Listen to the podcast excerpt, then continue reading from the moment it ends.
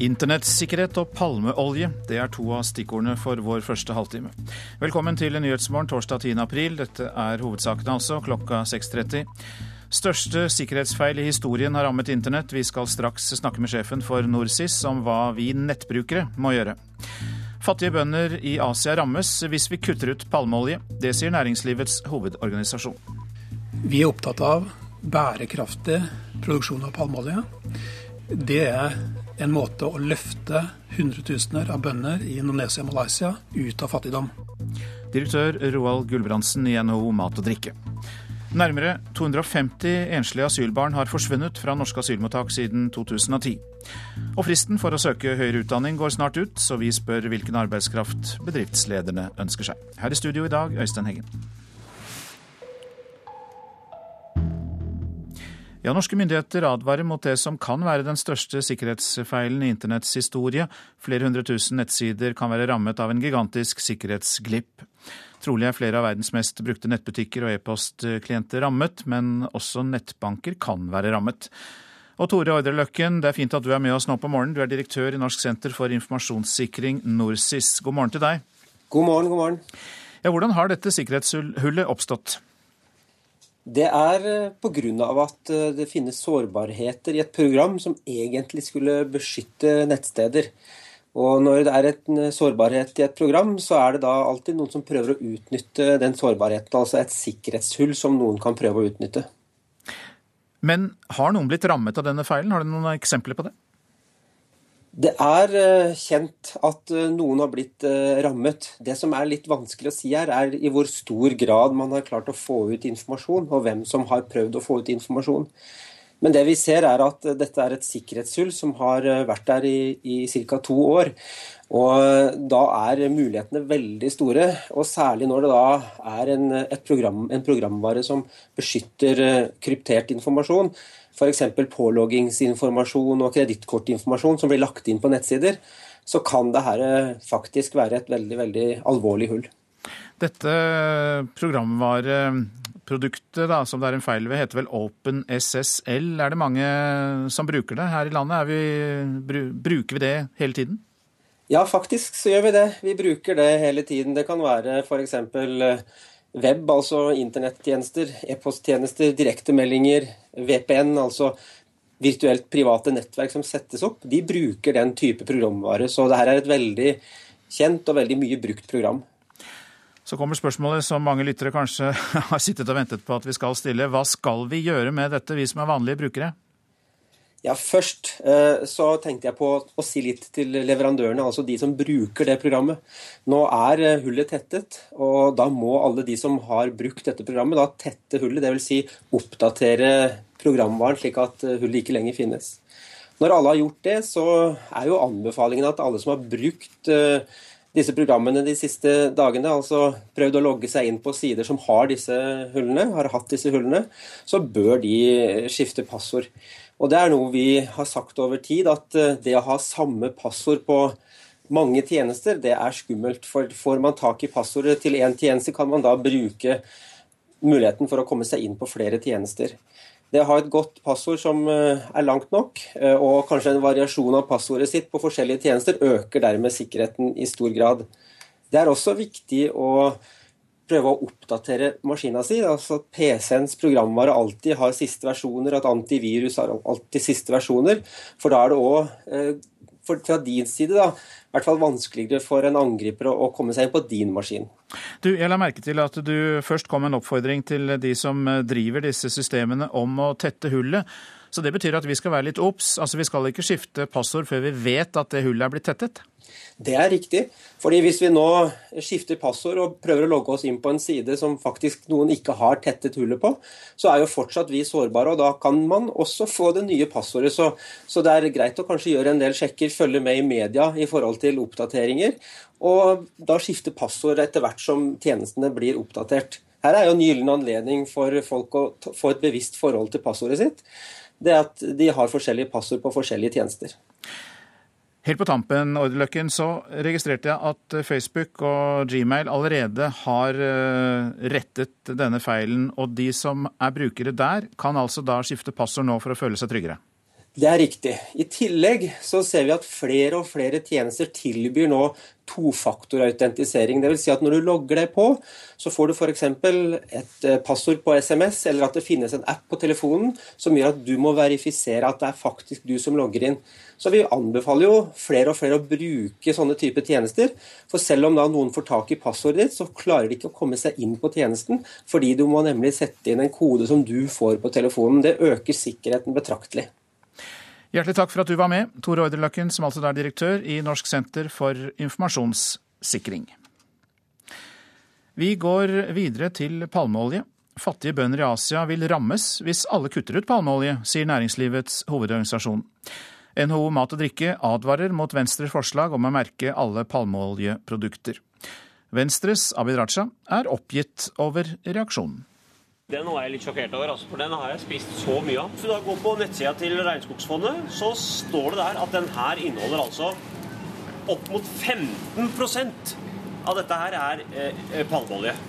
Her skulle det vært en eh, rød, svær hånd som sa eh, farlig. I dag fremmer Venstre et forslag som påbyr tydelig merking av palmeoljeprodukter. Inneholder popkornet 30% palmeolje, må det opplyses, mener Raja. For det første så ønsker jo vi at eh, det skal være helt tydelig eh, eh, at produktet inneholder palmeolje.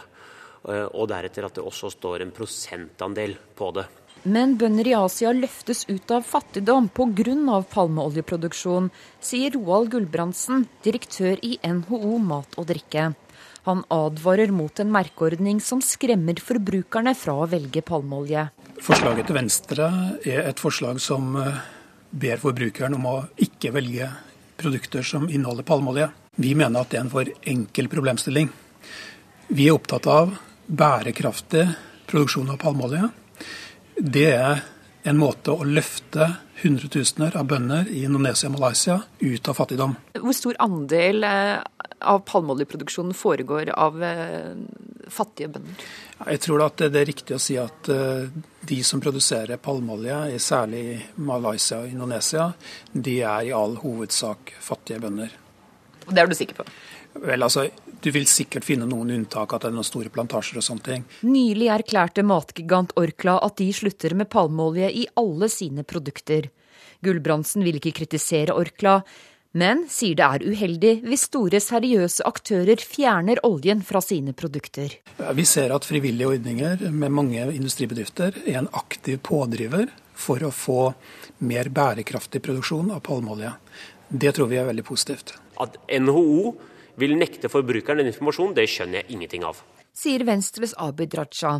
Jeg tror nok NHO ikke først og fremst har eh, fattige bønders beste for sine øyne. Men hvis du først ser på fattige bønders beste, så tror jeg det er ingen fattige i verden som er tjent med at vi avhugger regnskogen, med det følge det vil få for miljø og klima. Og jeg er helt sikker på at hvermannsen på, norsk, på norske gater og hjørner vil ikke kjøpe produkter som har bidratt til å hugge ned regnskog. Konserndirektør i Orkla, Håkon Mageli, forklarer hvordan de jobber med palmeoljeproblematikken. Vi kjører en todelt strategi.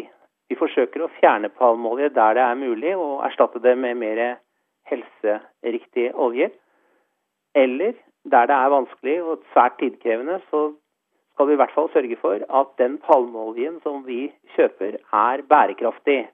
Og Det betyr at vi skal kunne klare å spore palmeoljen tilbake igjen til den enkelte plantasje. Og For å få til en best mulig sporingsordning samarbeider Orkla tett med både Greenpeace og Regnskogfondet. Men han understreker at det å fjerne palmeolje er nitidig arbeid. Å skifte ut palmeolje med annen type olje er en tidkrevende prosess. Eh, vi har brukt over to år på å fjerne palmeolje i vår Nugatti å få et like godt produkt som det vi har i dag. Mageli støtter ikke Venstres forslag om en spesiell merking for palmeolje, men viser til at Norge pga. nye EU-regler i desember i år uansett er pålagt å innføre en merkeordning der det kommer tydelig frem om et produkt inneholder palmeolje. Ved årsskiftet så kommer det nye merkeregler eh, som vil gjelde alle matvarer i Norge. Den merkingen vil gjøre det helt klart hvilke produkter som inneholder palmeolje, og hvilke som ikke inneholder palmeolje. Konserndirektør i Orkla var det, Håkon Mageli. Reportere var Line Tomter og Eva Marie Bulai. 248 enslige asylbarn har forsvunnet fra norske asylmottak siden 2010. Det viser tall fra Press, Redd Barnas ungdomsorganisasjon. Det er enormt mange unge vi ikke vet eh, hva har skjedd med, sier leder der, Andrea Sjøvold. Det kan enten være at de har gått under jorda i Norge, eller er på drift i Europa, eller i verste fall menneskehandel er involvert. Men uansett så vet vi ikke hva som har skjedd, men vi vet at deres rettigheter blir brutt. Som første ungdomsparti på høyresiden går FrPs eh, ungdom over til nei-siden i synet på norsk EU-medlemskap. Det sier leder i Fremskrittspartiets Ungdom Atle Simonsen til Klassekampen. Målet er nå å få Frp over på nei-siden, når moderpartiet altså skal vedta nytt partiprogram i 2017. Over 70% av Frp-velgerne er motstandere av norsk EU-medlemskap, ifølge en spørreundersøkelse publisert i Klassekampen i januar. Og så sier vi morgen til deg, Svein Oppegård. Du er direktør for arbeidsliv i NHO og skal hjelpe oss litt med ja, ikke bare oss, men de som skal søke om høyere utdanning i Norge, for fristen går ut om fem dager.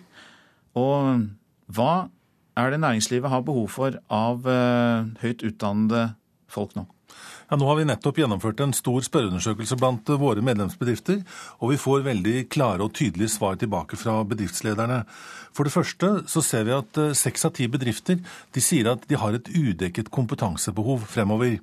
Og blant de så er det fire av ti igjen som sier at de har mistet gode forretninger god virksomhet som følge av at de ikke har den nødvendige kompetansen i bedriften. Det gir oss et veldig klart signal på at det er fortsatt et stort udekket kompetansebehov rundt i virksomhetene. I tillegg så har vi spurt bedriften om hva er, liksom, hva er feilen. Og en av de tingene som har vært veldig tydelig, det er at av de som har ansatt masterkandidater de siste årene, så sier mer enn halvparten at de godt kunne klart seg med bachelorutdannede medarbeidere. Og Det er et veldig sterkt signal både til utdanningsinstitusjonene, til studenter og foreldre, nemlig at bachelorutdanningen er en god fagutdanning. Det er ikke sikkert det er nødvendig at alle skal ta mastergradene. Altså masterstykken at alle må ha master, det i hvert fall avliver denne undersøkelsen. Så snakker vi ikke ned kompetanse, selvfølgelig, men det er viktig å treffe riktig, både ressursmessig og innretningsmessig.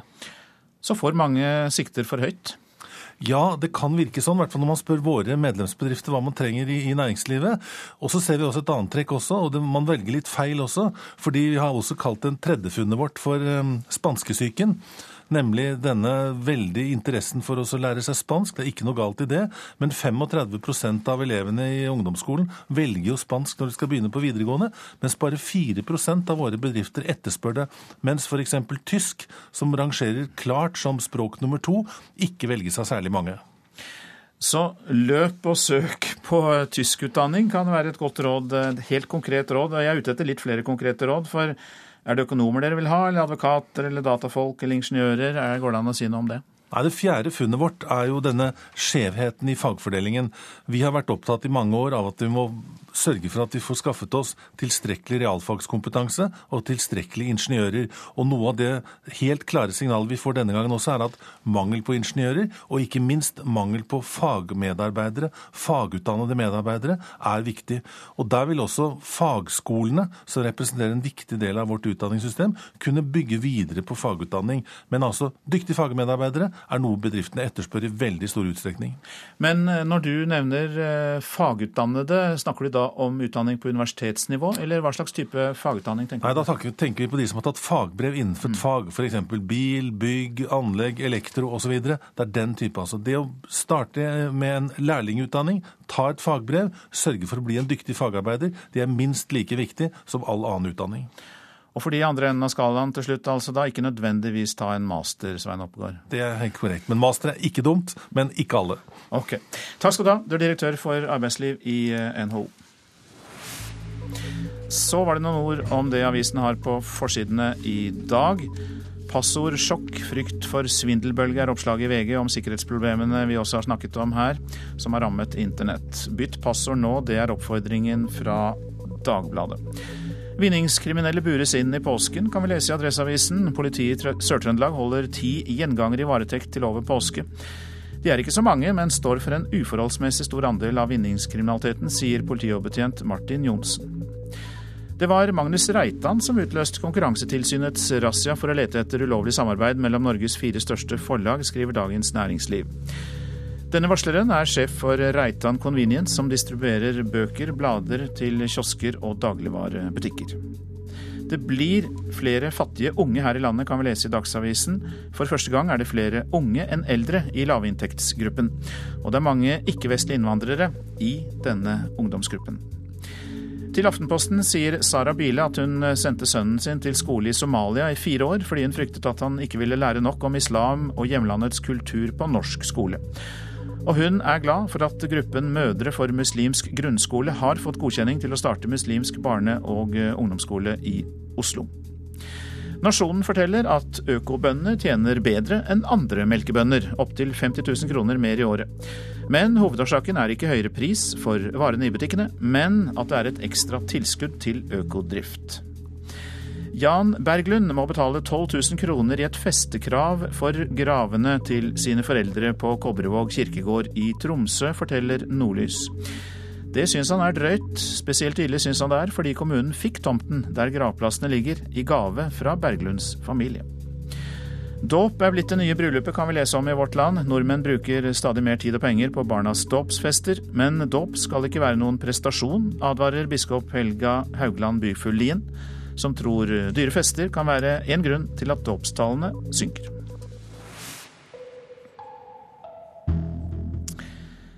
Vi er blitt bedre. Ja, det sier Manchester Uniteds manager David Moyes etter nederlaget mot Bayern München i går. United har hatt en dårlig sesong, og det har stormet rundt manager Moyes, men eh, tross for nederlaget så skrøt manageren av laget sitt etter kampen i går.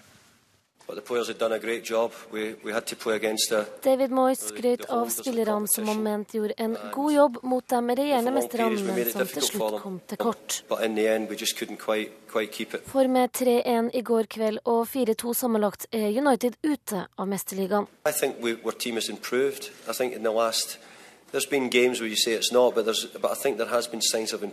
Men selv om sesongen har vært langt under pari for United, mente manager Moyes at laget hans har forbedra seg den siste tida, men at Bayern til slutt ble for sterke.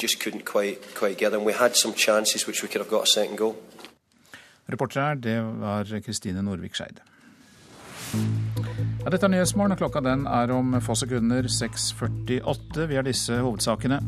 Største sikkerhetsfeil i historien har rammet internett. Tore Ordreløkken i Norsk senter for informasjonssikring sa her i Nyhetsmorgen nettopp at vi bør skifte passord, men at vi ikke bør gjøre det før nettstedet vi bruker har rettet opp feilen. Fattige bønder i Asia vil rammes hvis alle kutter ut palmeolje, sier Næringslivets hovedorganisasjon, som advarer mot Venstres forslag om å merke alle palmeoljeprodukter. Og NRKs fugletitting på internett følges opp. Hvordan Peepshow har slått an i flere land, skal vi høre mer om litt seinere.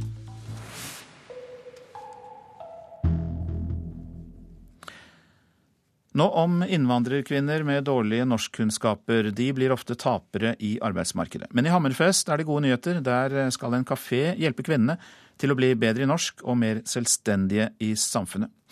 Kommunen, Nav og Innvandrings- og integreringsdirektoratet har satset 700 000 kroner på Kafé Nordvest. Vanlig svart kaffe.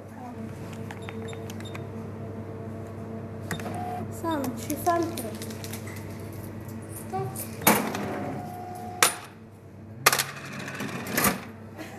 Det er noen som bare skal ha kaffe.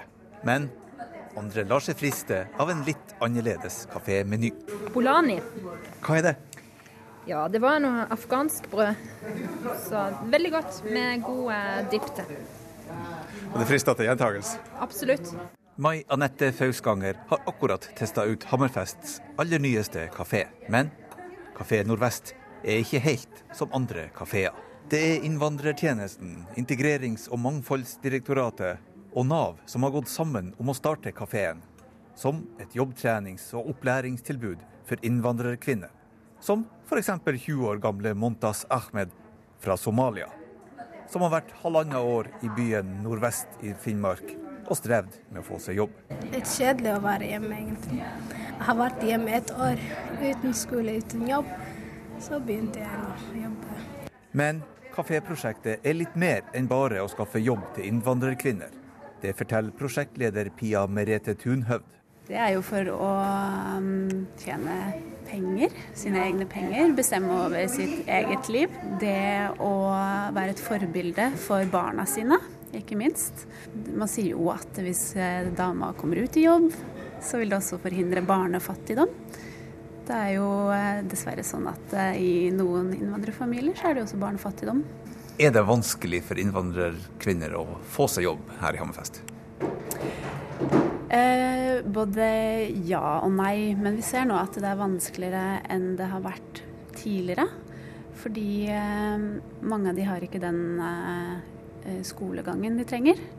Og de har heller ikke den norskkunnskapen de trenger for å komme ut i arbeidslivet.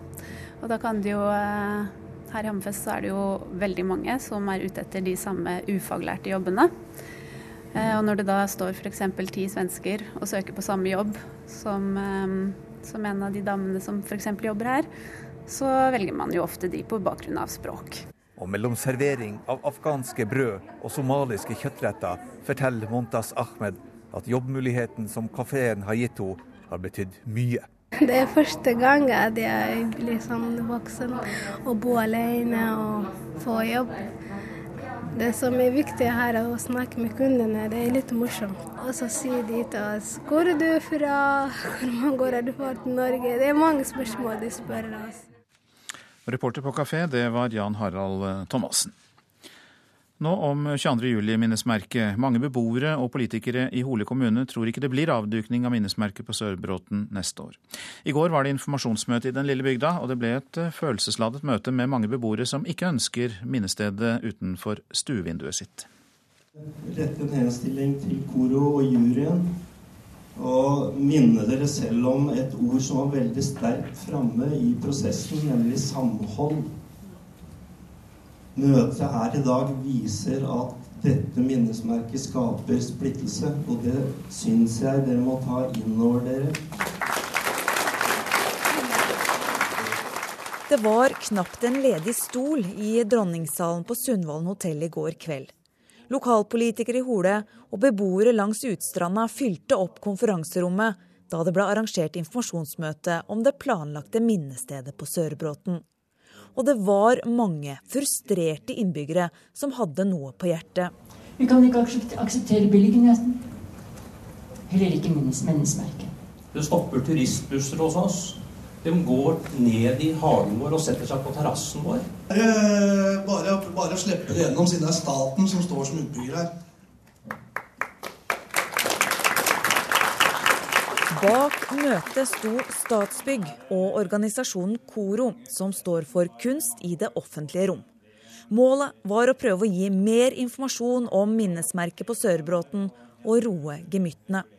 For debatten har rast etter at det ble kjent hvor i Hole minnestedet skal plasseres, og hvordan det vil bli. Enkelte har kalt det nasjonale minnesmerket for voldtekt av naturen. Men eh, partene kom ikke nærmere hverandre. I stedet virker det som både politikere og innbyggere i Hole er sikrere enn noen gang på at minnestedet blir stoppet. Det tror bl.a. Høyre-politiker Eva Bekkelund Eriksen. Jeg tror det har vært et veldig nyttig møte. Og jeg håper og jeg tror at Koro og Statsbygg går tilbake til statsråden og sier at dette er ganske vanskelig. Vi har, altså, vi har, et oppdrag fra departementet på 22.07.2015. Så det er opp til politikerne og departementet å avgjøre om det skal skje noe annet. Det sier Jo Ultveit Mo, avdelingsdirektør i Statsbygg, som jobber for avduking som planlagt den 22.07.2015. Altså, vi har en framdrift som går i forhold til 22.07.2015. Og det som er, altså Nå ligger den eh, Vi jobber med å lage selve reguleringsplanen nå. Og i det øyeblikket vi har da et forslag, så sender vi den til Hole kommune. Tror du eh, minnesmerket på Sørbråten eh, kommer til å bli avduket i 2015? Nei, det tror ikke jeg noe på. Det tror ikke du heller.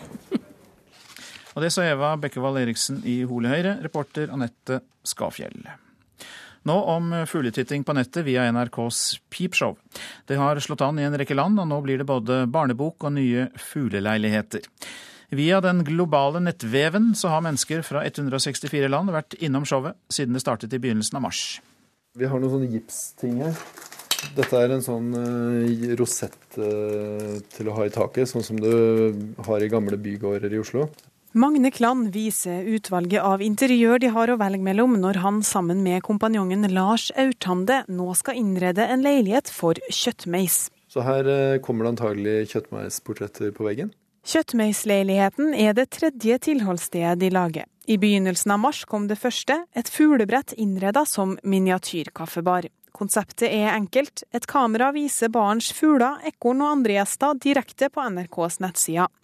I går åpna det andre konseptet, Leilighet for blåmeis. Det var på nyhetene til den store engelske avisen The Guardian. Lars Autande forteller at journalister fra flere land har tatt kontakt angående fenomenet. Det har vært eh, på et canadisk TV-show, på australsk radio, på irsk radio, eh, en engelsk radiokanal. Det var et østerriksk eh, nyhetsbyrå, en tysk nyhetsbyrå. Tall fra NRK viser at personer fra 164 ulike land har vært innom Peepshow siden oppstarten i begynnelsen av mars. Medieforsker Paul Bjerke ved Høgskolen i Volda tror sakte-TV-suksessen er en reaksjon på en medieverden hvor alt annet går fryktelig fort. Og Som alternativ til en sånn utvikling, så er det vel kanskje ikke så overraskende at medieinnslag hvor alt går veldig sakte, og hvor eh, langsomheten er et poeng i seg selv, eh, blir populære hos mange. Bjerke mener at suksessen minner om noe som tidligere var et vellykka pauseinnslag på TV-skjermen når eh, NRK nå har suksess med, med, fugler, så er vi jo på et vis tilbake til eh, NRK-fjernsynets barndom, der uh, gullfiskene var uh, en attraksjon. Sånn at uh, her er man tilbake til, til, røttene på noe slags vis. Nå blir det også barnebok av Peepshowet, som var den opprinnelige ideen til prosjektet. Også her har detaljnivået vært viktig. I boka så er, det, så er det et av bildene hvor det ligger, en, det ligger to bøker oppå en hylle. Der endte vi med opp med forsiden på en bok om rovfugler. For det er jo sånn, ja, sengelektyre for små meiser som skal ut i verden og lære hva som er farlig. ikke sant? Ok, så er det bare å logge seg inn og titte. Reporter her, det var Runa Rød. Og nå går vi over til værvarselet fram til midnatt. Fjellet i Sør-Norge da først. Stiv kuling utsatte steder, etter hvert snø. I kveld lettere vær. Østlandet og Telemark først på dagen snø i indre og høyereliggende områder, etter hvert litt regn. I kveld lettere vær. Det kan bli lokal tåke. Agder litt regn, snø over 600 meter. Fra i ettermiddag enkelte regnbyger. I kveld stort sett opphold og lokal tåke også da i Agder. Rogaland sørøst stiv kuling. Regn fra i ettermiddag enkelte regnbyger. I kveld lettere vær og lokal tåke. Så ser vi Hordaland og Sogn og Fjordane samlet. Sørlig opp i sterk kuling og regn. Bris fra i ettermiddag, men fortsatt sterk kuling ved Stad og regnbyger. Så var det Møre og Romsdal. Øking til sørvestlig oppe i sterk kuling på kysten. Regn, seinere regnbyger. Trøndelag sørlig liten kuling. Oppholdsvær fra i formiddag regn. I ettermiddag øking til nordvestlig opp i sterk kuling på kysten av Trøndelag, og det blir regnbyger. Nordland periodevis sørlig stiv kuling utsatte steder. Først på dagen opphold og perioder med sol, men etter hvert litt regn, først sør i Nordland. Troms sørlig stiv kuling utsatte steder, fra i formiddag liten kuling. Stort sett oppholdsvær og litt sol, men i kveld litt regn i sør. Finnmark periodevis sørvestlig stiv kuling utsatte steder. Sterk kuling i øst tidlig på dagen, stort sett opphold og litt sol. Nordensjøland på Spitsbergen. Østlig liten kuling utsatte steder og litt snø. Fra i ettermiddag nordøstlig liten kuling og oppholdsvær. Temperaturer klokka fem. Svalbard minus én, Kirkenes minus seks, Varde minus to, Alta vind minus én. Så er det plussgrader. Tromsø pluss to, Bodø fire, Brønnøysund, Trondheim og Molde fem. Bergen, Stavanger og Bergen og Stavanger seks grader. Kristiansand, Kjevik fire. Så var det én grad på Gardermoen, og det samme hadde Lillehammer og Røros, mens det da var pluss tre grader på Oslo-Blindern klokka fem i natt.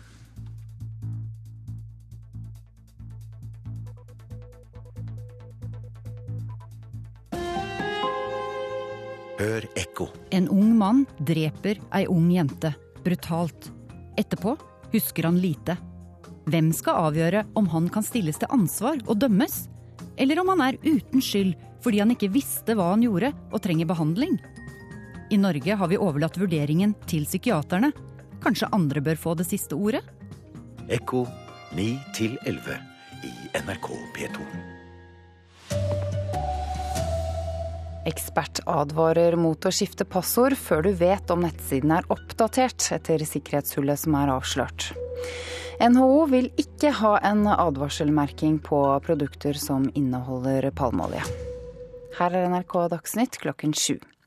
Ikke skift passord på internett for tidlig, det advarer Norsk senter for informasjonssikring NorSIS. I går ble det kjent at flere hundre tusen nettsider kan være rammet av den største sikkerhetsglippen i internetthistorien. Feilen er nå rettet opp, men som forbruker må du forsikre deg om at nettsiden du bruker har oppdatert programvaren før du lager nytt passord, sier direktør i NorSIS Tore Order Løkken. Fordi Hvis vi nå skifter passord og prøver å logge oss inn på en side som faktisk noen ikke har tettet hullet på, så er jo fortsatt vi sårbare, og da kan man også få det nye passordet. Så, så det er greit å kanskje gjøre en del sjekker, følge med i media i forhold til oppdateringer, og da skifte passord etter hvert som tjenestene blir oppdatert. Her er jo en gyllen anledning for folk å få et bevisst forhold til passordet sitt. Det at de har forskjellige passord på forskjellige tjenester. Sannsynligvis er flere av verdens mest brukte nettsider og nettbanker rammet av denne feilen i eh, programvaren de fleste bruker. Fattige bønder i Asia kommer til å bli rammet hvis alle kutter ut palmeolje, sier næringslivets hovedorganisasjon. Direktør i NHO Mat og drikke, Roald Gudbrandsen, advarer mot Venstres forslag om å merke palmeoljeprodukter med stor skrift.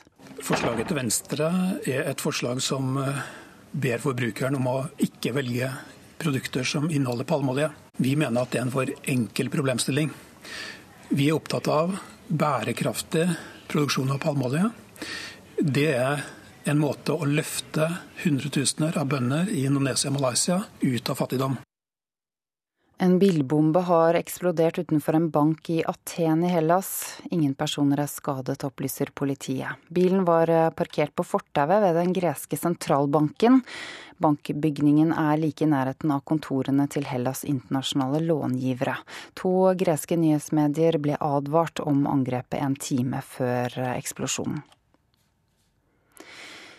I eh, USA er en 16 år gammel elev ved en videregående skole utenfor Pittsburgh i Pennsylvania siktet for fire drapsforsøk og 21 tilfeller av grov legemsbeskadigelse etter knivdramaet i går kveld norsk tid. Flere av de 22 ofrene skal være alvorlig skadet, eh, men legene tror alle kommer til å overleve. De knivstukne elevene er mellom 14 og 17 år gamle. I tillegg ble en sikkerhetsvakt skadet. NRK Dagsnytt, Ida Creed.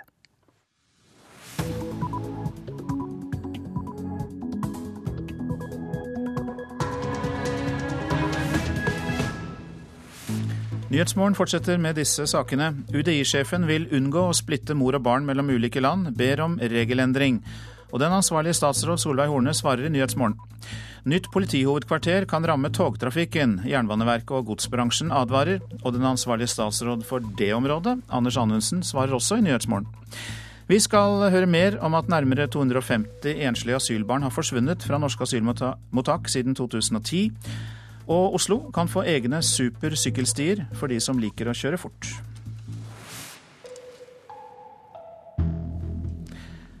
UDI-sjef Frode Forfang vil ha en systemendring, slik at barnevernet og UDI kan snakke bedre sammen. Det må til for å hindre at mor og barn splittes mellom to ulike land, mener Forfang. Nigerias ambassadør kritiserte i går at nigerianske mødre har blitt sendt ut av landet, mens det norske barnevernet har overtatt omsorgen for barna deres. Utlendingsdirektoratet mener en del av disse situasjonene har vært helt unødvendige. Vi må innse at eh, noen av disse familiene er i en unntakssituasjon eh, når de oppholder seg enten ulovlig i Norge eller som asylsøkere eh, i Norge. Og vi kan ikke se bort fra at noen av de problemene knyttet til omsorgssituasjonen er situasjonsbetinget, gitt den livssituasjonen de er i som asylsøkere eller med et ulovlig opphold her. Det er ikke gitt at de samme omsorgsproblemene vil være til stede eh, i hjemlandet.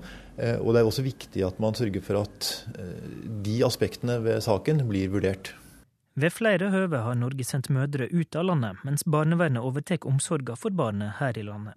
Det reagerte Nigerias ambassadør til Norge sterkt på i NRK i går.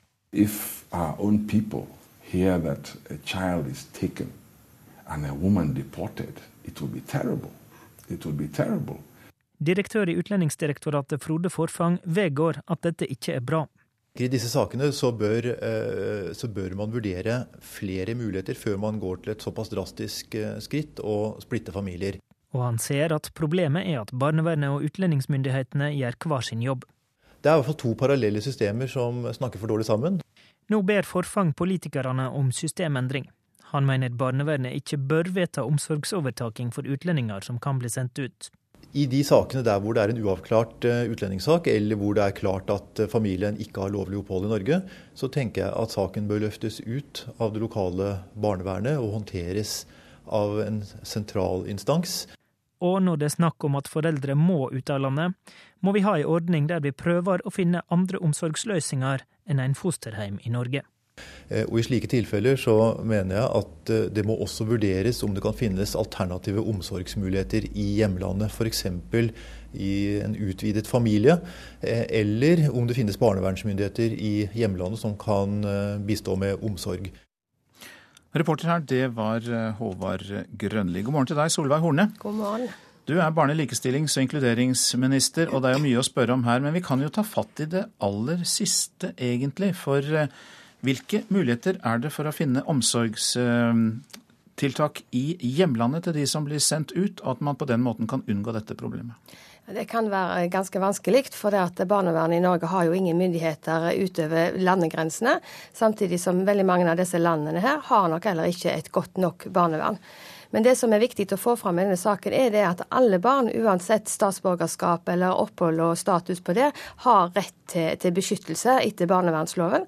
Eh, og det som er viktig, er jo at det er gode eh, undersøkelser før det blir gjort en omsorgsovertakelse. Og barnevernet har en plikt til å prøve alle muligheter før du går til et så drastisk skritt som en omsorgsovertakelse. Men Forfang etterlyser her da at eh, barnevernet og UDI skal snakke bedre sammen. Han ber om en systemendring. Kan du bidra til det? Ja, Dette her er såpass alvorlig at jeg kommer til å ta dette videre for å se på hva vi kan gjøre. Vi har allerede i dag veldig godt samarbeid med Justisdepartementet. Og så har vi òg jevnlige møter med, med UD eh, og ambassadene i, i, Norge for å informere om norsk barnevern og lovverket vårt. Men samtidig så har vi en, en viktig vei å gå med å informere både de som jobber i barnevernet. De må få mer kunnskap om minoritetsfamilier. Men ikke minst så må de familiene som kommer til Norge, få mer kunnskap om, om norsk lovverk og norsk barnevern. At barnevernet skal være der for å hjelpe dem, og det må vi ikke glemme. Og, og Derfor er foreldreveiledningskurs og i introduksjonsprogrammene og faktisk begynne så tidlig som ute på mottakene en viktig del som kan skape et større tillit mellom minoritetsfamilier og barnevern. Men Kan det da tenkes at uh, enkelttilfeller kan tas ut av barnevernets uh, håndtering? og uh, tas hånd om spesielt, eh, da kanskje av eh, UDI? fordi det er jo en spesiell situasjon når man kan risikere å bli sendt ut. Som jeg sa først, så har alle barn rett på beskyttelse til barnevernsloven. og Derfor må barnevernet mye mer klare å samarbeide med familiene og prøve andre tiltak. Ja, men Samarbeid med UDI unnskyld at jeg avbryter, ja, men samarbeid med UDI etterlyser jeg her, da. Ja, ja, men det er helt klart. Og det vil jeg ta tak i nå, sammen med, med, med Bufdir, for å se på hvordan vi kan klare oss å samarbeide bedre med UDI mm. og med UD og alle sektorene. For her må vi jobbe på tvers, for det er en alvorlig sak når barn blir, betatt blir tatt ifra foreldrene sine, men òg at de blir fraskilt når den ene reiser ut. Men man kan jo også da forstå foreldrene. Vi kan jo bare tenke oss hvis et norsk barn var blitt holdt igjen i India eller Nigeria, så ville det jo blitt eh, ramaskrik. Vi må jo kanskje prøve å sette oss inn i disse foreldrenes situasjon også? Jo, det er en alvorlig situasjon når du går til en omsorgsovertakelse. og Derfor forventer jeg at barnevernet har gjort alle undersøkelser og gjort den jobben de skal gjøre, før de går til så drastisk skritt. Men det er derfor det er så viktig at eh, barnevernet òg er i stand til å kunne gi familiene hjelp. For det er jo det vi skal gjøre. Vi skal jo gi hjelp til den familien før du går til en omsorgsovertakelse. Og det må barnevernet gjøre òg i slike situasjoner. Takk for at du kom til Nyhetsmorgen, eh, barne-, likestillings- og inkluderingsminister Solveig Horne. Så skal vi over til skepsisen som øker mot at et beredskapssenter for eh, politiet blir bygd på Alnabru i Oslo, med helikopterbase og treningsanlegg for beredskapstroppen. Jernbaneverket advarer eh, mot politiets ønske om et eh, stadig større beredskapssenter på Alnabru. Det sier informasjonssjef Tor Erik Skarpen i Jernbaneverket. Ja, vi syns det er en veldig dårlig idé. Beredskapssenteret skal ha plass til bl.a. politihelikopter og treningsforhold for spesialpoliti. Etter 22. juli-terroren fikk det her høy prioritet. Derfor måtte Jernbaneverket under den forrige regjeringa godta planene om et beredskapssenter for politiet på 30 mål tett inntil Norges største godsterminal på Alnabru. Så i fjor høst ble de bedt om å vurdere følgene av et enda større senter på inntil 44 mål. Det fraråder Jernbaneverket, sier Tor Erik Skarpen. Ja, vi er jo redd for at eh, beredskapsbasen skal eh, kunne legge begrensninger på jernbanedriften på, på Alnabru. Uh, jeg tenker på at politiet først ville ha fem mål, og så vil de ha 14 mål, og så vil de ha 30 mål, og nå vil de ha 44 mål. Og skal vi utvide Alnabru, ikke bare én gang, men også senere i, i fremtiden. Så blir det vanskelig hvis politiet skal etablere sin beredskapsbase på Alnabru. Også godstransportørene er imot å legge et så stort beredskapssenter på Alnabru, sier styreleder Ole Hagen i NHO Logistikk og Transport. Det vi trenger nå, det er å sikre Alnabru som godsterminal for Norge. Og så må vi få eh, beredskapssenteret lokalisert et annet sted. Alnabru er jo navet i Norge. I praksis så går det tog fra Oslo om kvelden ut til alle norske byer. Til Sørlandsbanen, Stavanger, Kristiansand, til Bergen, til Trondheim. Så Alnabru er navet som forsyner alle norske byer i praksis. Og hvis det ikke går med tog, hva skjer da? Nei, Da vil jo godset finne andre veier. Det er som vann. Det må frem, og det må inn i butikkene. Og da vil det bli kjørt på vei. Justisminister Anders Anundsen skriver at regjeringa utreder både Alnabru og alternative tomter til beredskapssenteret. I forrige stortingsperiode var Fremskrittspartiet skeptisk til å legge beredskapssenteret til Alnabru, nettopp av hensyn til godstrafikken.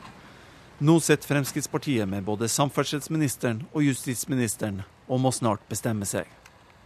Men leder i Politiets Fellesforbund, Sigve Bolstad, er klar på hvor han vil ha beredskapssenteret. Det bør ligge på Alna i Oslo.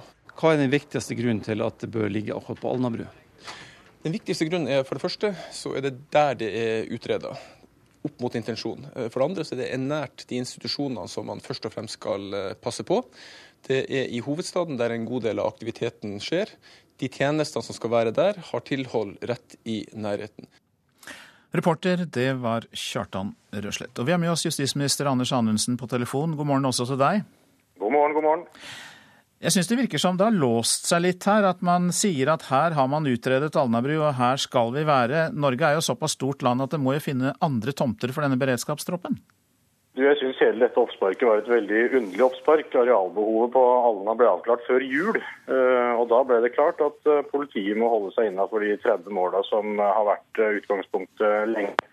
Så at Jernbaneverket nå skal ha kommet med et utspill om at de vurderer ytterligere utvidelse, syns jeg høres helt merkelig ut. Vi satte i gang for lenge siden et såkalt skisseprogram på Alna, som er på en måte neste steg i planleggingen hvor en da får avklart hvorvidt de 30 måla som vi har til disposisjon på Alna, er tilstrekkelig eller ikke. Og Vi gjennomfører samtidig en såkalt konseptvalgutredning, hvor vi ser på alternativer til uh, Alna hvis, hvis en skulle komme i en situasjon hvor Alna f.eks. ikke er stor nok til å romme et sånt eh, beredskapssenter. Så jeg syns eh, hele denne diskusjonen ble litt eh, underlig, for disse tingene er jo avklart før årsskiftet. Ja, Så du mener at Jernbaneverket kommer løpende og sier at de nå skal ha mer enn de sa de trengte før? Nei, jeg mener at Jernbaneverket vet at vi har sagt at vi klarer oss med 30 mål. Og jeg har en kjempedialog med samferdselsministeren på dette, så det er ingen uavklarte forhold knytta til areal på Alna nå. Det vi jobber med, er å se om det arealet vi har til disposisjon, er tilstrekkelig. Men hvordan vurderer du da denne striden og sannsynligheten for at det blir Alnabru at politiet får beredskapssenter? Ja, nå, eh, Politiet får beredskapssenter, det tror jeg nok ikke det er så store tvilen eh, om. Men eh, for å hindre forsinkelser i prosjektet, så gjør jo vi nå to ting parallelt. Det ene er at vi sikrer et eh, skisseprogram som ser om Alna er romslig nok i forhold til det behovet eh, politiet har. Mm. Eh, det er også viktig at vi ikke blir så trangbodde at eh, hele, hele senteret blir lite funksjonelt. Samtidig så undersøker vi da alternative tomtevalg og alternative konsept, i den grad det er behov for det, for å sikre at en skal få opp et beredskapssenter som er bra så raskt som mulig. Det som egentlig er hele utgangspunktet for den diskusjonen, er jo at den forrige regjeringen gjorde et for dårlig utredningsarbeid. Og Det er det som førte til at eh, en fra å gå til en bygningsmasse på drøye 18 400 kvadratmeter nå plutselig er oppe i 32 000 kvadratmeter, og da blir det et litt annet prosjekt.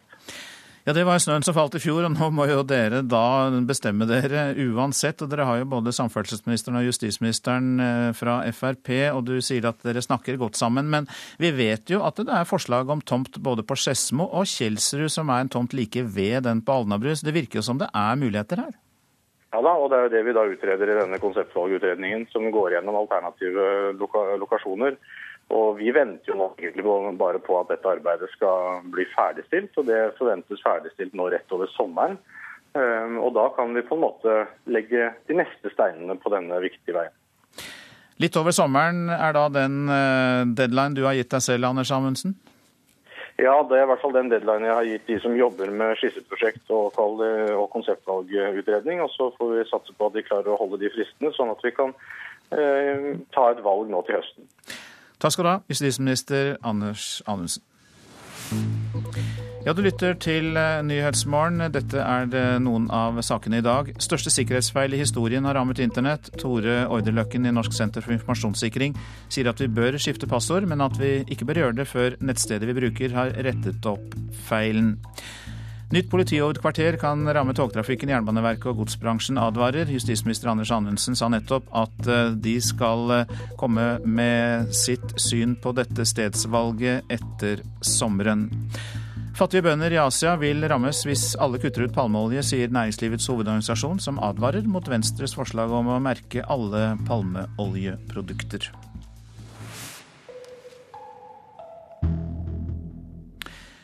Nå om eh, Silvio Berlusconi, for han får ikke lov å stille som kandidat til EU-parlamentet.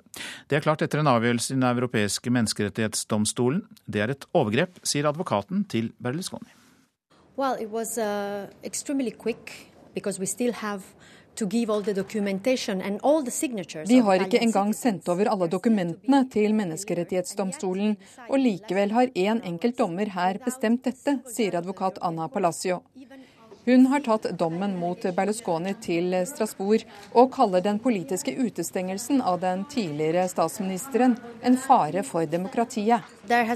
Sort of because uh, the leader of the center-right coalition that took 10 million votes just one year ago at the last political elections. Under valget for ett år siden fikk han over 10 millioner stemmer, og nå er han kastet ut. Dette skyldes utelukkende en lang konflikt mellom domstolen og Berlusconi, påstår hun. Silvio Berlusconi ble kastet ut av Senatet etter at dommen for skattejuks ble opprettholdt i Høyesterett for noen måneder siden og han er utestengt fra å ha offentlige politiske verv de neste årene. Håpet var likevel at han kunne stille til valg i EU-parlamentet i neste måned, men nå er også den døra stengt. Hans sentrum-høyreparti Forza Italia mener det er en menneskerett å kunne stille til valg, uavhengig av hva landets domstol måtte mene. Nærmere 4000 innbyggere har skrevet under på et opprop som støtter Berlusconi. Han var selv med på å vedta loven som sier at man ikke kan ha offentlige politiske verv hvis man er dømt til mer enn ett år i fengsel. The law has been used in a retroactive way men loven har hatt tilbakevirkende kraft. Det er en fare, sier advokaten. And this is why we came here to Strasbourg, to the place where uh, all fundamental rights are uh.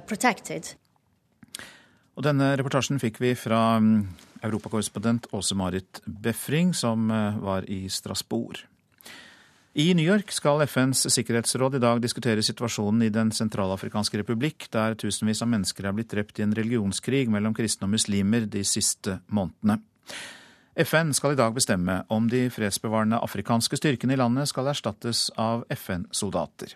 Joar Ho Larsen har mer. Så har det skjedd igjen.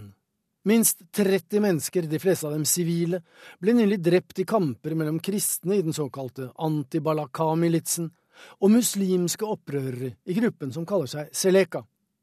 Det hele begynte for et år siden, da sistnevnte, altså de muslimske opprørerne i Seleka, tok makten i landet. De for hardt og brutalt frem mot det kristne flertallet i Den sentralafrikanske republikken, og mange ble drept.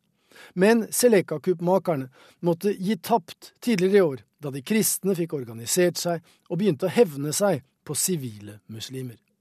Tusenvis er nå på flukt, enten internt fordrevet eller i nabolandene. Det eneste vanlige innbyggere, både kristne og muslimer, nå ønsker seg, er trygghet i form av økt sikkerhet. Nous, on est ensemble, on est ensemble toujours. Ce que nous voulons, c'est seulement la paix. Disse soldatene fra Tsjad er nå trukket tilbake, men må erstattes. USA har riktignok selv avslått å sende soldater, men landets FN-ambassadør går altså inn for å oppgradere de internasjonale styrkene i landet og gi dem FN-status, og dermed den beskyttelse vanlige folk i Bangui etterspør. La solution, Hvis Sikkerhetsrådet vedtar det franske forslaget senere i dag, vil de om lag 5000 afrikanske soldatene som allerede er i landet, etter alt å dømme bli inkorporert i en FN-styrke som til slutt vil være på til sammen 12 000 mann, men ikke på plass før 15. september.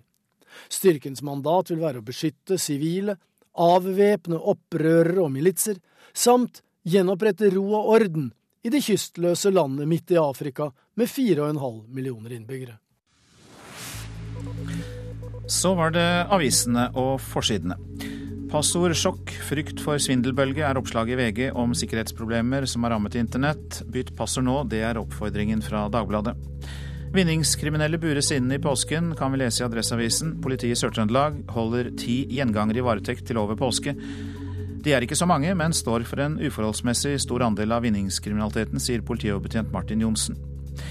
Fremskrittspartiet snur i Fremskrittspartiets Ungdom snur i EU-saken, skriver Klassekampen. Ungdomspartiets leder Atle Simonsen vil gjøre Frp til et nei-parti, og selv vil ungdomslederen også kjempe mot EØS-avtalen. Det var Magnus Reitan som utløste Konkurransetilsynets razzia for å lete etter ulovlig samarbeid mellom Norges fire største forlag, skriver Dagens Næringsliv. Varsleren er sjef for Reitan Convenience, som distribuerer, distribuerer bøker og blader til kiosker og dagligvarebutikker. Det er blitt eh, flere fattige unge her i landet, kan vi lese i Dagsavisen. For første gang er det blitt flere unge enn eldre i lavinntektsgruppen. Og det er mange ikke-vestlige innvandrere i denne gruppen. Til Aftenposten sier Sara Bile at hun sendte sin sønn til skole i Somalia i fire år fordi hun fryktet at han ikke ville lære nok om islam og hjemlandets kultur på norsk skole. Hun er glad for at gruppen Mødre for muslimsk grunnskole har fått godkjenning til å starte muslimsk barne- og ungdomsskole i Oslo. Nasjonen forteller at økobøndene tjener bedre enn andre melkebønder, opptil 50 000 kroner mer i året. Men hovedårsaken er ikke høyere pris for varene i butikkene, men at det er et ekstra tilskudd til økodrift. Jan Berglund må betale 12 000 kroner i et festekrav for gravene til sine foreldre på Kobbervågen, i, Kobbervågen kirkegård i Tromsø, skriver Nordlys. Det syns han er drøyt, og spesielt ille syns han det er fordi kommunen fikk tomten der gravplassene ligger, i gave fra Berglunds familie. Dåp er blitt det nye bryllupet, kan vi lese i Vårt Land. Nordmenn bruker stadig mer tid og penger på barnas dåpsfester. Men dåp skal ikke være noen prestasjon, advarer biskop Helga Haugland Byfuglien, som tror dyre fester kan være én grunn til at dåpstallene synker.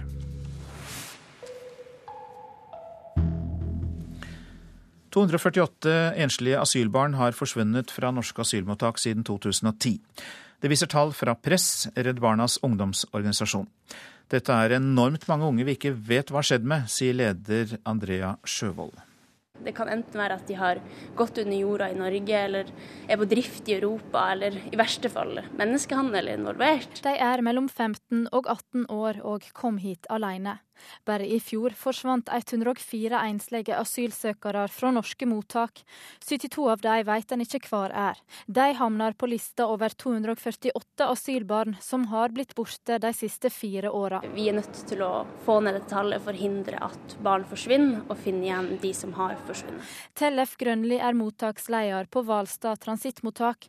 Han forteller at mange velger å gå under radaren. Mange av disse har avslag i andre europeiske land og ikke utsikter til å få opphold i Norge.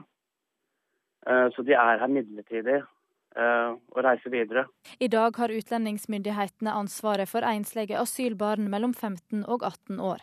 De som er yngre, havner under barnevernet. Sjøvold mener barnevernet må ha ansvaret for de eldste òg. I fjor var det fem barn som forsvant fra barnevernet sine omsorgssenter. Løsninga er å gi eh, barnevernet ansvaret for disse ungene her, for det er mye bedre eh, retningslinjer når barn forsvinner, og et fokus på at det er barn og deres behov og hva de trenger. Nei, jeg tror vi må innse at vi ikke har gjort nok. Sier Kjell Ingolf Ropstad i Kristelig Folkeparti. Dersom barnevernet får ansvar for eh, alle de asylbarna opp til 18 år, så tror vi at det vil bli ivaretatt på en mye bedre måte enn i dag. Og Justisdepartementet har ikke kunnet kommentere saken så langt. Reporter her, det var Eirin Årdal. Arbeiderpartiet vil innføre påbud om bruk av redningsvest i fritidsbåter opp mot åtte meter. Kongelig norsk båtforbund er positiv. Næringspolitisk talsperson i Arbeiderpartiet, Else May Botten, forklarer hvorfor de mener at et forbud er riktig. Nå har vi over lang tid jobba hardt med holdningsskapende arbeid og, og, kampanjer, og det har vært viktig. Men en kampanje redder jo ikke liv. Det er rett og slett redningsvesten på som er med å redde liv. I dag er det påbudt å ha redningsvest liggende om bord i båten, men det er ikke påbudt å ha den på. Regjeringa har sagt at de ikke mener et påbud er riktig vei å gå, mens næringspolitisk talsperson i Venstre, Pål Farstad, er positiv. Det er jo et konstruktivt bidrag inn for sikkerheten som som Venstre er interessant. Han legger til at Venstre ikke har behandla forslaget i gruppa. Også KrF sier de må snakke sammen i stortingsgruppa før de kan uttale seg. Mens Kongelig norsk båtforbund, som organiserer 35 000 båteiere, sier Vi er positive til et forslag om påbudt bruk av eh, vest i åpne båter. Det sier generalsekretæren Reidar Kjelsrud. Men Vi er kanskje litt skuffet over forslaget om at de legger en lengdebegrensning. Fordi det er en del åpne båter som er større enn åtte meter, som også har vært involvert i ulykker. I dag fremmer opposisjonspartiet Ap forslag. Men vent litt. Arbeiderpartiet satt jo i en flertallsregjering i åtte år uten å innføre påbud om bruk av redningsvest. Ja, det er helt riktig at uh, statsråd Trond Giske nedsatte et uh, utvalg som skulle se på sjøsikkerheten og skulle komme med innspill på ulike tiltak. Uh, og den gruppa var det stort flertall for at man skulle innføre redningsvester. Men hvorfor har ikke Arbeiderpartiet innført det her når dere satt i regjering?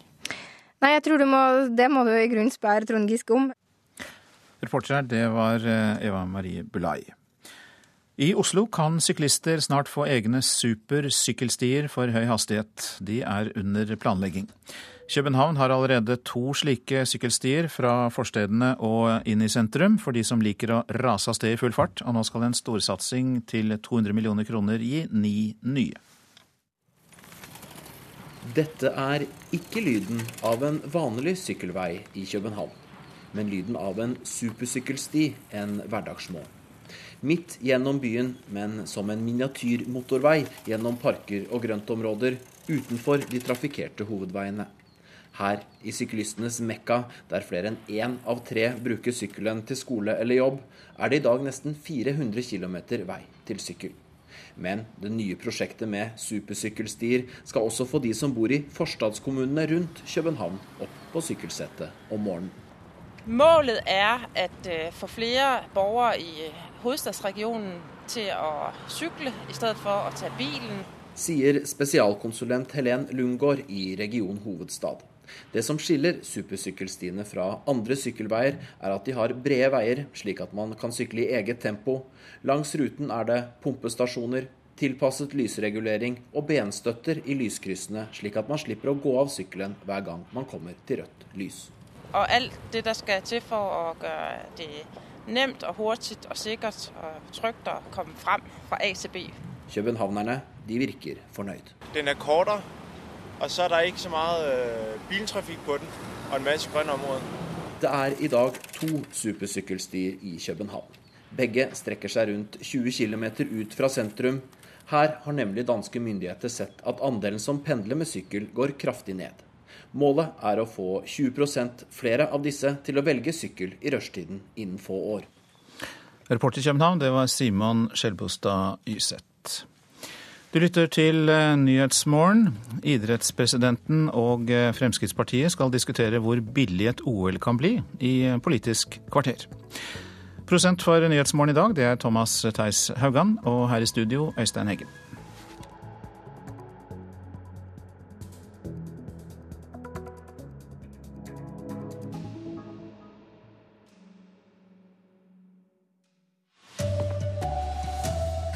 Ikke skift passord for tidlig, advarer sikkerhetsekspert etter avsløringen av det som kan være det største sikkerhetshullet i internetts historie. Et beredskapssenter på Alnabru i Oslo kan gjøre det for trangt for togtrafikken. Og fattige bønder i Asia rammes hvis vi kutter ut palmeoljen, sier NHO. Her er NRK Dagsnytt klokken 7.30. Ikke skift passord på internett for tidlig, advarer Norsk senter for informasjonssikring, NorSIS. I går ble det kjent at flere hundre tusen nettsider kan være rammet av den største sikkerhetsglippen i internetts historie. Feilen er nå rettet opp, men du må forsikre deg om at nettsiden du bruker har oppdatert programvaren før du lager nytt passord, sier direktør i NorSIS, Tore Orde Løkken. Fordi Hvis vi nå skifter passord og prøver å logge oss inn på en side som faktisk noen ikke har tettet hullet på, så er jo fortsatt vi sårbare, og da kan man også få det nye passordet. Så, så det er greit å kanskje gjøre en del sjekker, følge med i media i forhold til oppdateringer. Og da skifte passord etter hvert som tjenestene blir oppdatert. Det kalles det største sikkerhetshullet i internetts historie. Sikkerhetsfeilen kan ha ramma flere av verdens mest brukte nettsider til sosiale medier, e-postklienter, banker og flyselskaper i to år. Dataekspert Einar Otto Stangvik har gjort tester som viser at flere norske domener er ramma. Jeg har gjort flere forskjellige undersøkelser, og de tallene som jeg stadig vekk ser, er at eh, at ca. 11% av norske tjenestetilbydere har vært rammet av i løpet av de to siste døgnene. Stor Reporter Irina Kjelle. Og det er ikke bare private passord og kontoopplysninger som kan være truet. Et sikkerhetshull kan utnyttes av terrorister og spioner, og kan i verste fall få konsekvenser for regjeringer og land. It is by far one of the most popular kind of packages for creating those encrypted connections. And as a result, it is just all over the internet. Vi er alle i samme båt, sier sikkerhetsekspert Rich Mogul til BBC, men foreløpig er det bare det canadiske skattevesenet som midt i innleveringsperioden for selvangivelse på de kanter har stengt sine sider, i frykt for at heartbleed, som viruset kalles, skal gjøre sensitive data tilgjengelig for hackere. Viruset representerer ingen fare i seg selv, men de med onde hensikter kan for lett spill ikke minst kan nasjonale interesser være truet dersom statsansatte hackere, med andre ord cyberspioner, klarer å utnytte Heartbleed til å få innsikt i fremmede makters topphemmeligheter.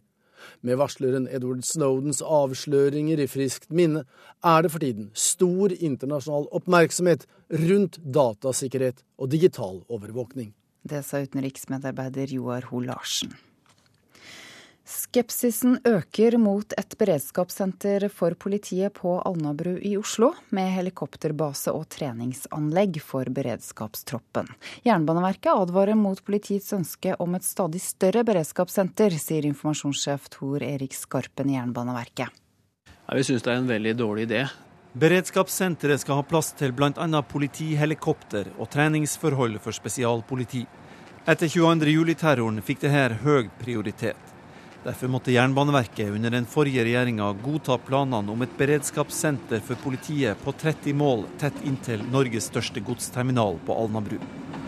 Så i fjor høst ble de bedt om å vurdere følgene av et enda større senter på inntil 44 mål. Det fraråder Jernbaneverket, sier Tor Erik Skarpen. Ja, vi er jo redd for at eh, beredskapsbasen skal eh, kunne legge begrensninger på jernbanedriften på, på Alnabru. Eh, jeg tenker på at politiet først ville ha fem mål, og så vil de ha 14 mål, og så vil de ha 30 mål, og nå vil de ha 44 mål.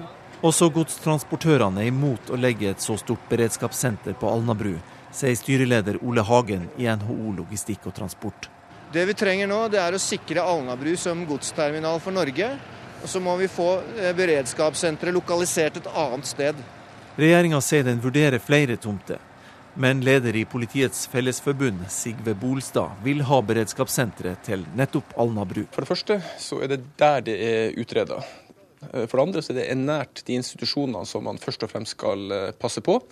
Det er i hovedstaden der en god del av aktiviteten skjer. De tjenestene som skal være der, har tilhold rett i nærheten. Reporter Kjartan Rørslett.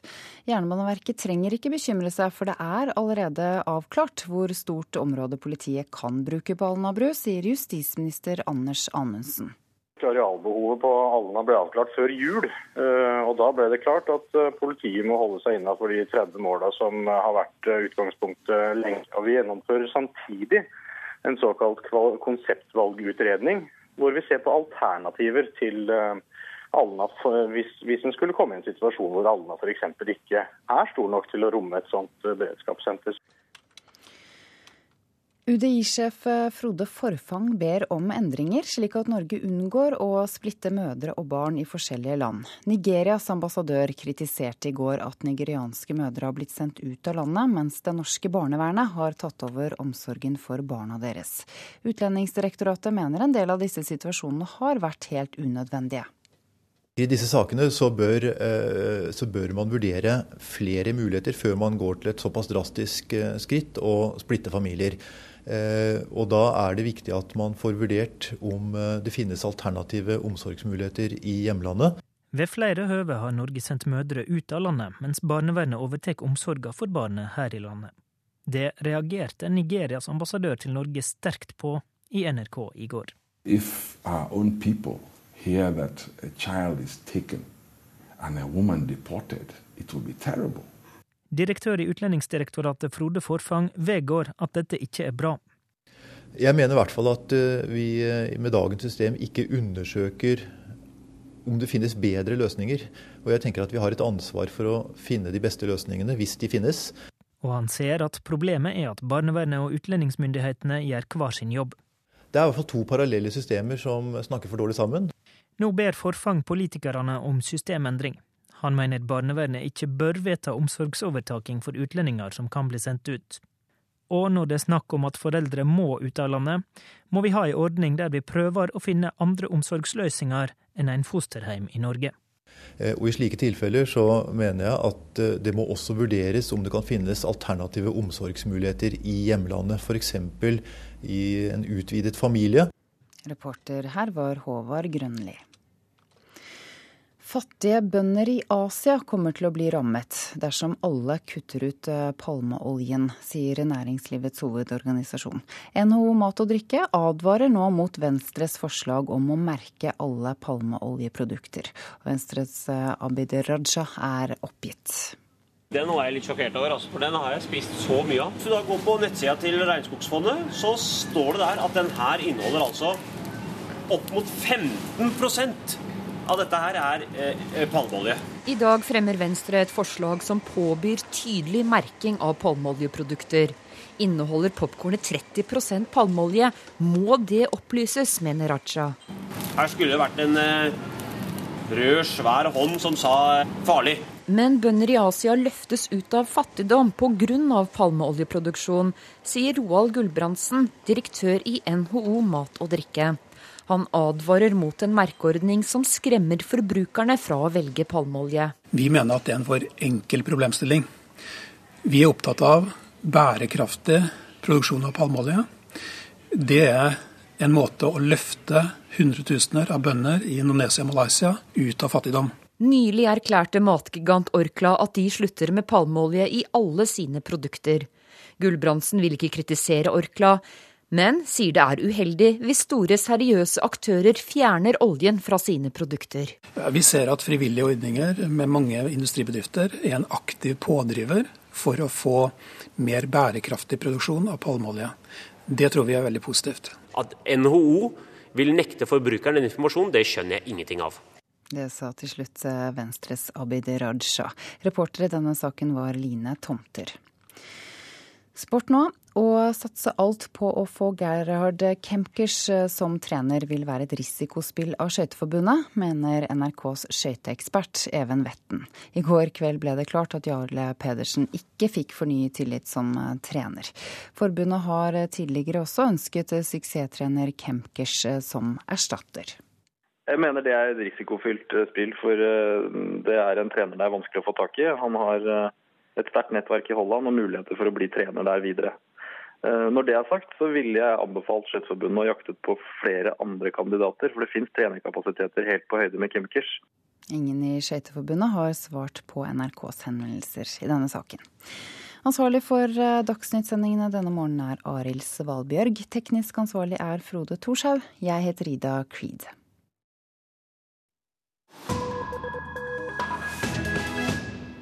Dette er Nyhetsmorgen. Vi skal høre mer om at FNs klimapanel på søndag legger fram siste del av sin femte hovedrapport. og Den handler om hva som kan gjøres for å redusere utslippene av klimagasser.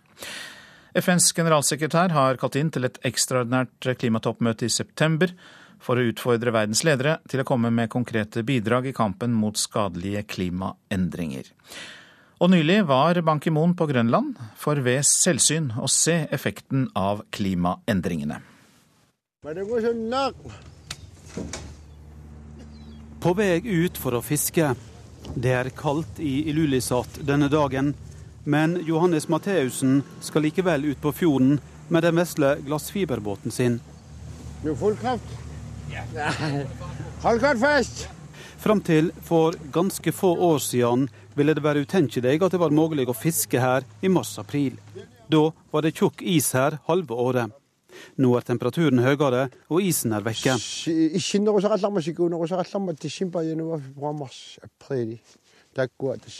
Da det var kaldere og mer is, brukte vi hundeslede på isen fra desember til april.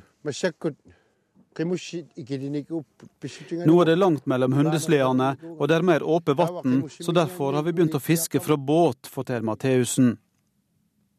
Temperaturen stiger, og vi merker forandringene det forteller Ivalo Gulldager. I gamle dager, og det er måske for en, for en 20 år siden, der kunne man godt regne med at en vinter den var riktig kold. Men nå er vi ikke engang sikre på at vi har snø til jul. Og klimaet det er meget ustabilt, og vi har, mere, altså, vi har flere stormer. FNs generalsekretær har nettopp landa. Han er på Grønland for å sette seg inn i hva virknader global oppvarming har.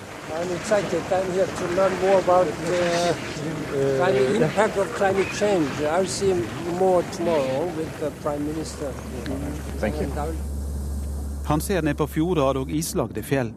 I september er Ban Ki-moon vert for et ekstraordinært klimatoppmøte i New York, der han vil utfordre lederne i verden til å forplikte seg til å legge fram klare mål for hva de vil gjøre i arbeidet for klimaet.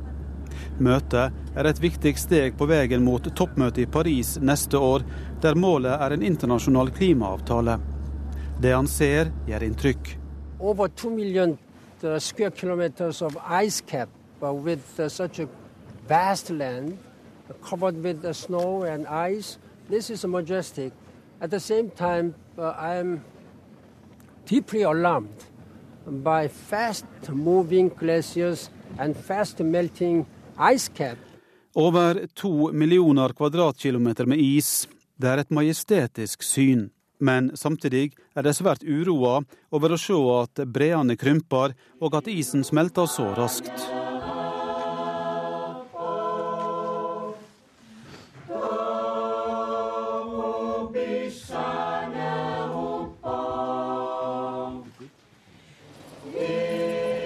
Korsang for en prominent gjest så spørs det om generalsekretæren greier å overbevise de som ikke tok turen til Grønland, men som uansett får seg en New York-tur i september.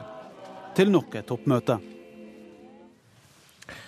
Og denne reportasjen var laget av Eivind Molde. Du lytter til Nyhetsmorgen, og dette er eh, hovedsaker i dag. Det som eh, kan være den største sikkerhetsfeilen i historien, har rammet internett. Tore Orderløkken i Norsk senter for informasjonssikring sier at vi bør skifte våre passord, men ikke før vi vet at nettstedet vi bruker har rettet opp feilen. Et beredskapssenter på Alnabru i Oslo kan gjøre det for trangt for togtrafikken, mener Jernbaneverket.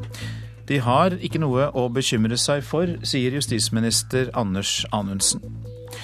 Fattige bønder i Asia rammes hvis vi kutter ut palmeoljen. Det sier NHO. Advarer mot forslag om å merke alle palmeoljeprodukter. Og eh, vi minner om nettstedet radio nrk.no, der du kan lytte til alle NRKs eh, radiosendinger. Du kan også spole deg tre timer tilbake hvis det er noe du ikke har fått med deg. Politisk kvarter gjør vi klart for nå her i Nyhetsmorgen.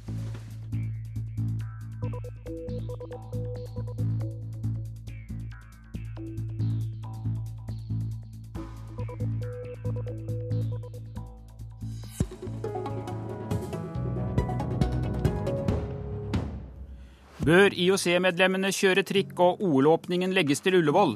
Fremskrittspartiets Ib Thomsen har klare meninger om hvordan et OL i Oslo bør være, og møter idrettspresidenten til debatt i Politisk kvarter.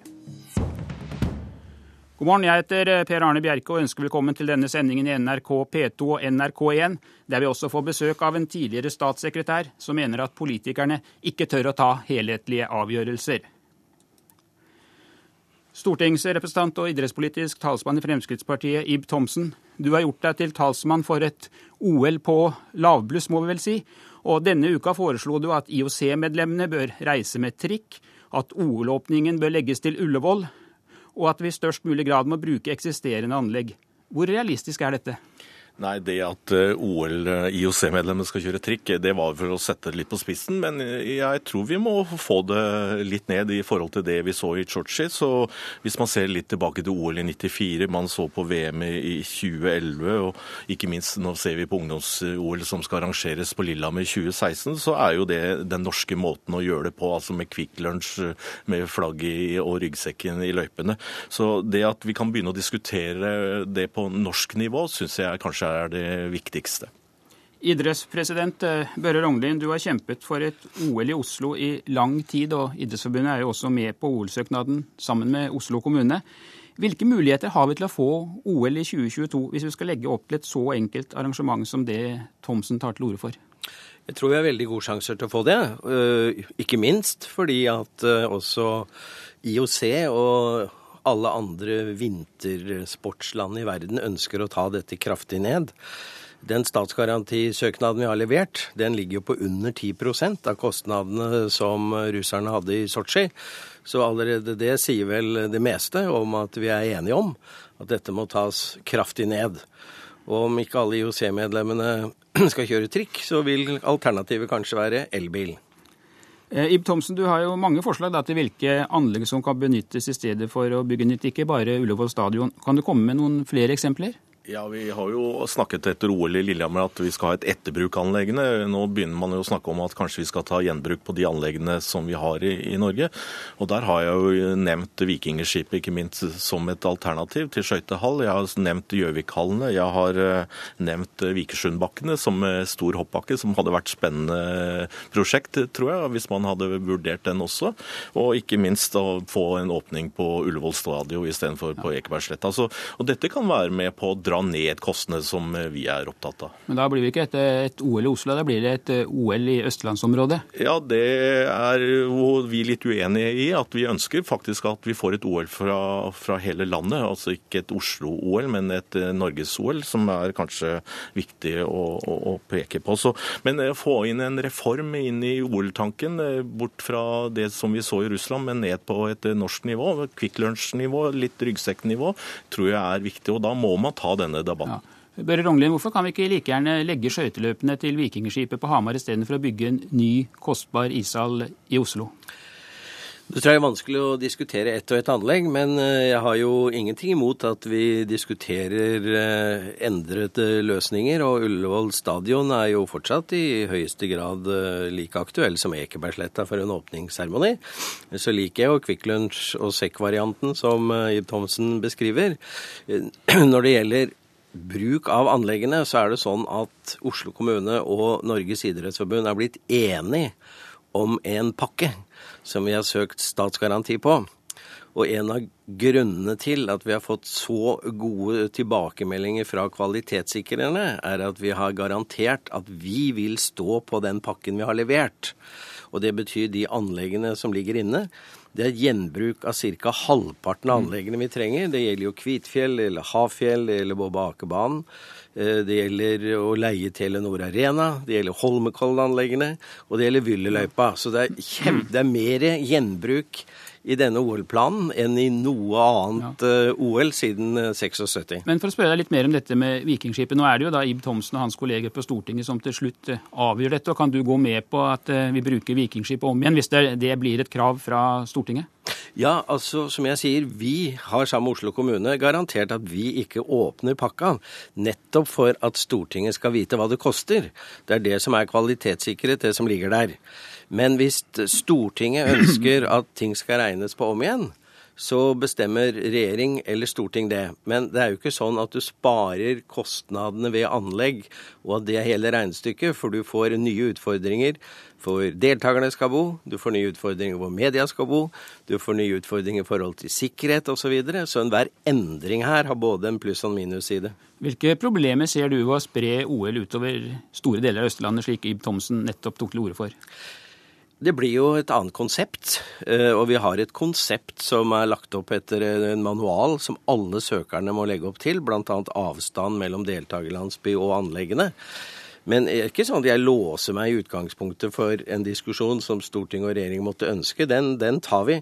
Men vi har lovet å ikke åpne boka. Hvis Stortinget ønsker at man skal se på alternativer, så vil det bli gjort. Føler du at du får litt gehør, i hvert fall, ja, Ib Thomsen? Jeg er glad for det jeg hører. og Nå er vi jo inne i en situasjon at man kan begynne å diskutere dette her. og Da kan man ta med seg hele Idretts-Norge, hele østlandsområdet og ja, sågar hele Norge også på denne diskusjonen om hvordan vi ønsker at et eh, OL skal se ut i Norge. Men for oss også så er det jo viktig at eh, økonomien eh, holdes, at det ikke får de store sprekkene som vi har sett ved tidligere OL når det gjelder økonomien. Og så er det viktig for oss også at vi diskuterer ikke bare bare de 14 dagene som OL pågår, men at vi også har paralympisk etterpå. At det skjer så mye rundt både før og etter et OL. Så dette er også en diskusjon som vi ønsker å, å være med på eh, når vi da diskuterer også garantien. For det, vi er avhengig av et flertall på Stortinget for å få dette til, og da er det viktig at man føler også at man blir hørt. Børre Rognlien? Ja, vi eh, Der nevner, nevner Ib Thomsen et viktig eh, stikkord, nemlig Paralympic. Det dreier seg ikke bare om olympiske leker, dette her. Det dreier seg i like stor grad om paralympiske leker.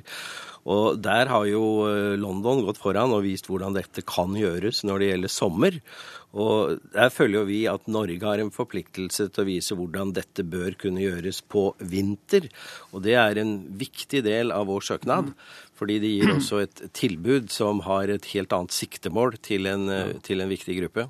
Vi se litt mer på IOC-medlemmene, som det jo har vært mye debatt om her i landet. og I går fikk du et brev Ib Thomsen, fra byråden med ansvar for Oslo, som forsikrer om at IOC-medlemmene selv må betale for reise og opphold. Så da er du kanskje litt fornøyd, ja?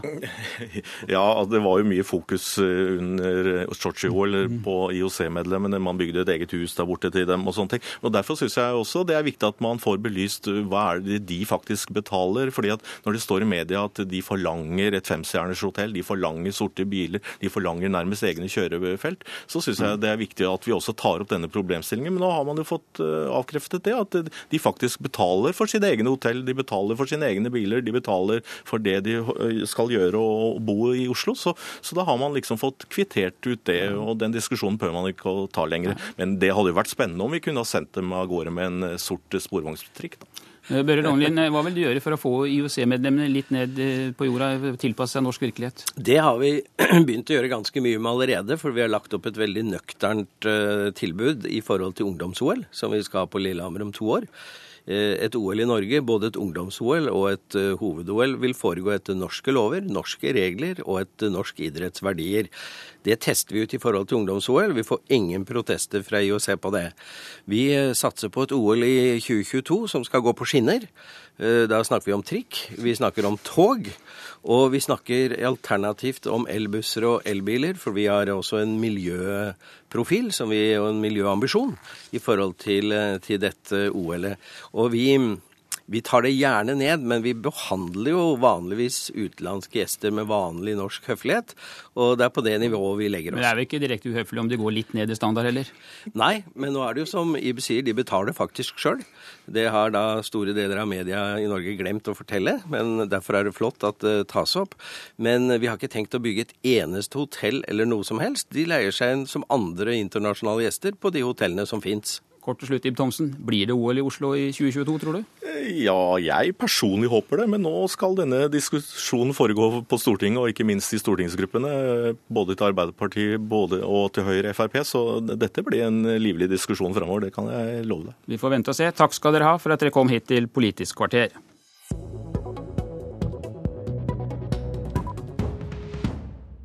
Og velkommen til deg, Erik Landstein, tidligere statssekretær for Senterpartiet i flere departementer og ved statsministerens kontor. I Dagens Næringsliv i dag skriver du at politikerne altfor sjelden klarer å ta helhetlige grep eller fatte helhetlige avgjørelser. Hvordan vil du begrunne det? Nei, eh, For det første så må jeg si at eh, norsk politikk preges jo av at det styres jevnt over veldig godt. Eh, men vi må alltid stille oss spørsmålet kan vi gjøre det enda bedre. Og det jeg har erfart fra min tid i regjeringsapparatet, det er jo at det kan være vanskelig å ta opp sensitive spørsmål.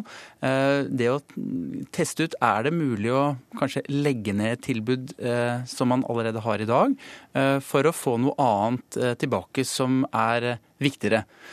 Hvis man gjør det, så risikerer man som politiker å ha satt døra for altså at man kan legitimere en, en f.eks. nedleggelse av en flyplass, uten at man er helt sikker på at man i neste runde f.eks. får bygd den brua eller den tunnelen som var premissen for at man tenkte at dette kunne være mulig.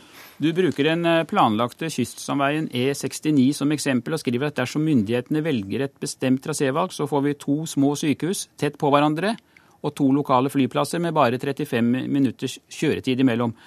Men ingen politikere våger tanken på å nedlegge et av sykehusene eller en av flyplassene, skriver du. Dette er vel også en kritikk av ditt eget parti, som ikke akkurat er kjent for å legge ned tilbud i Utkant-Norge? Vel, altså Jeg satt jo i Samferdselsdepartementet og hadde gleden av å ha tett og god dialog med bl.a. kommunestyret i Narvik kommune, Nordland fylkeskommune, og der fikk vi det til. Der diskuterte vi mulighetene. Er det mulig å se for seg at vi legger ned den flyplassen som ligger tett på Narvik, mot at vi får bygd den brua som man lokalt har drømt om i alle år, og som gjør at reiseveien mellom sør og nord blir 20 minutter kortere. Og det sa man lokalt ja til, men det var under forutsetning at vi garanterte at den skulle, flyplassen skulle ha full drift frem til brua sto ferdig. Men for å holde oss litt dette eksempelet på Vestlandet, gi meg ikke helt med det. Vil det være god distriktspolitikk å si at med ny vei så trenger vi ikke sykehus både i Volda og Nordfjordeid, for å holde oss da til dette eksempelet litt? Det vi vet er at vi kan velge å bygge et indre alternativ, eller vi kan velge et midtre alternativ. Det midtre er litt dyrere, men den store gevinsten er at da er det et befolkningstungt område som knyttes veldig mye tettere til Ørsta-Volda, som er et enda større tyngdepunkt, og da får man fantastisk regional utvikling. og det seg selv er mer enn nok til å forsvare at man velger det midtre alternativet. Men når det da blir 35 minutter reisevei mellom to flyplasser og, og to sykehus, så mener jeg at i tillegg da, til disse store eh, gevinstene man får ved å få et integrert bo- og arbeidsmarkedsregion, så vil man ytterligere kunne spare ganske mye penger hvis man tør å, si at vi eh, ikke skal drive disse eh, tilbudene videre som i dag. Enten legge ned en flyplass eller f.eks. samordne tilbudene mellom de to sykehusene. Men hvilken politiker fra Vestlandet som skal gjenvelges, tror du våger å gå fram og si at jeg slåss for å nedlegge et sykehus og jeg vil nedlegge en flyplass? Nei, det er det som er problemet. Det er ingen som tør å liksom åpne en gang for at noe sånt kan være mulig. Og der er det jo viktig at organisasjoner som NHO, fagfolk og andre er med på å skape rammer for den debatten. Og så er det viktig at politikerne da, når de skal gjøre strukturendringer, er tydelige på at de som tør å skal vi si, åpne for denne typen følsomme ting, kan føle seg trygge på at de da i neste runde ikke blir straffet ved at de både mister tilbud og heller ikke får den forbedringen f.eks. For en ny vei og ny tunnel vil gi. Men er politikerne litt for feige da, når de ikke tør fatte vedtak som er upopulære på kort sikt, men som viser seg kunne være samfunnsøkonomiske riktige i et litt lengre perspektiv? Jeg vil ikke si feige, men jeg sier at det er vanskelig og det er risikabelt. Og for meg som nå ikke lenger er politiker, så er det viktig å peke på det dette. For å gjøre jobben, å si det. For, ja, og for å gjøre jobben for de politikerne som nå uh, står i frontlinjen uh, litt enklere. Og så vil jeg jo si det er jo ekstremt viktig da, at uh, Fremskrittspartiet og Høyre som nå sitter med ansvaret, gjør som det vi gjorde i, i Narvik. At de demonstrerer at hvis det er noen lokalt som tør å bevege seg inn på denne veien, ja, så, så viser de respekt for det, og sørger for at uh, man ikke straffer folk ved å legge ned tilbud uten at man da uh, finner nettopp de helhetlige gode løsningene som totalt sett gjør at uh, distriktene kommer bedre ut av det. Takk for at du kom hit, Erik Landstein, tidligere statssekretær, og det var Politisk kvarter.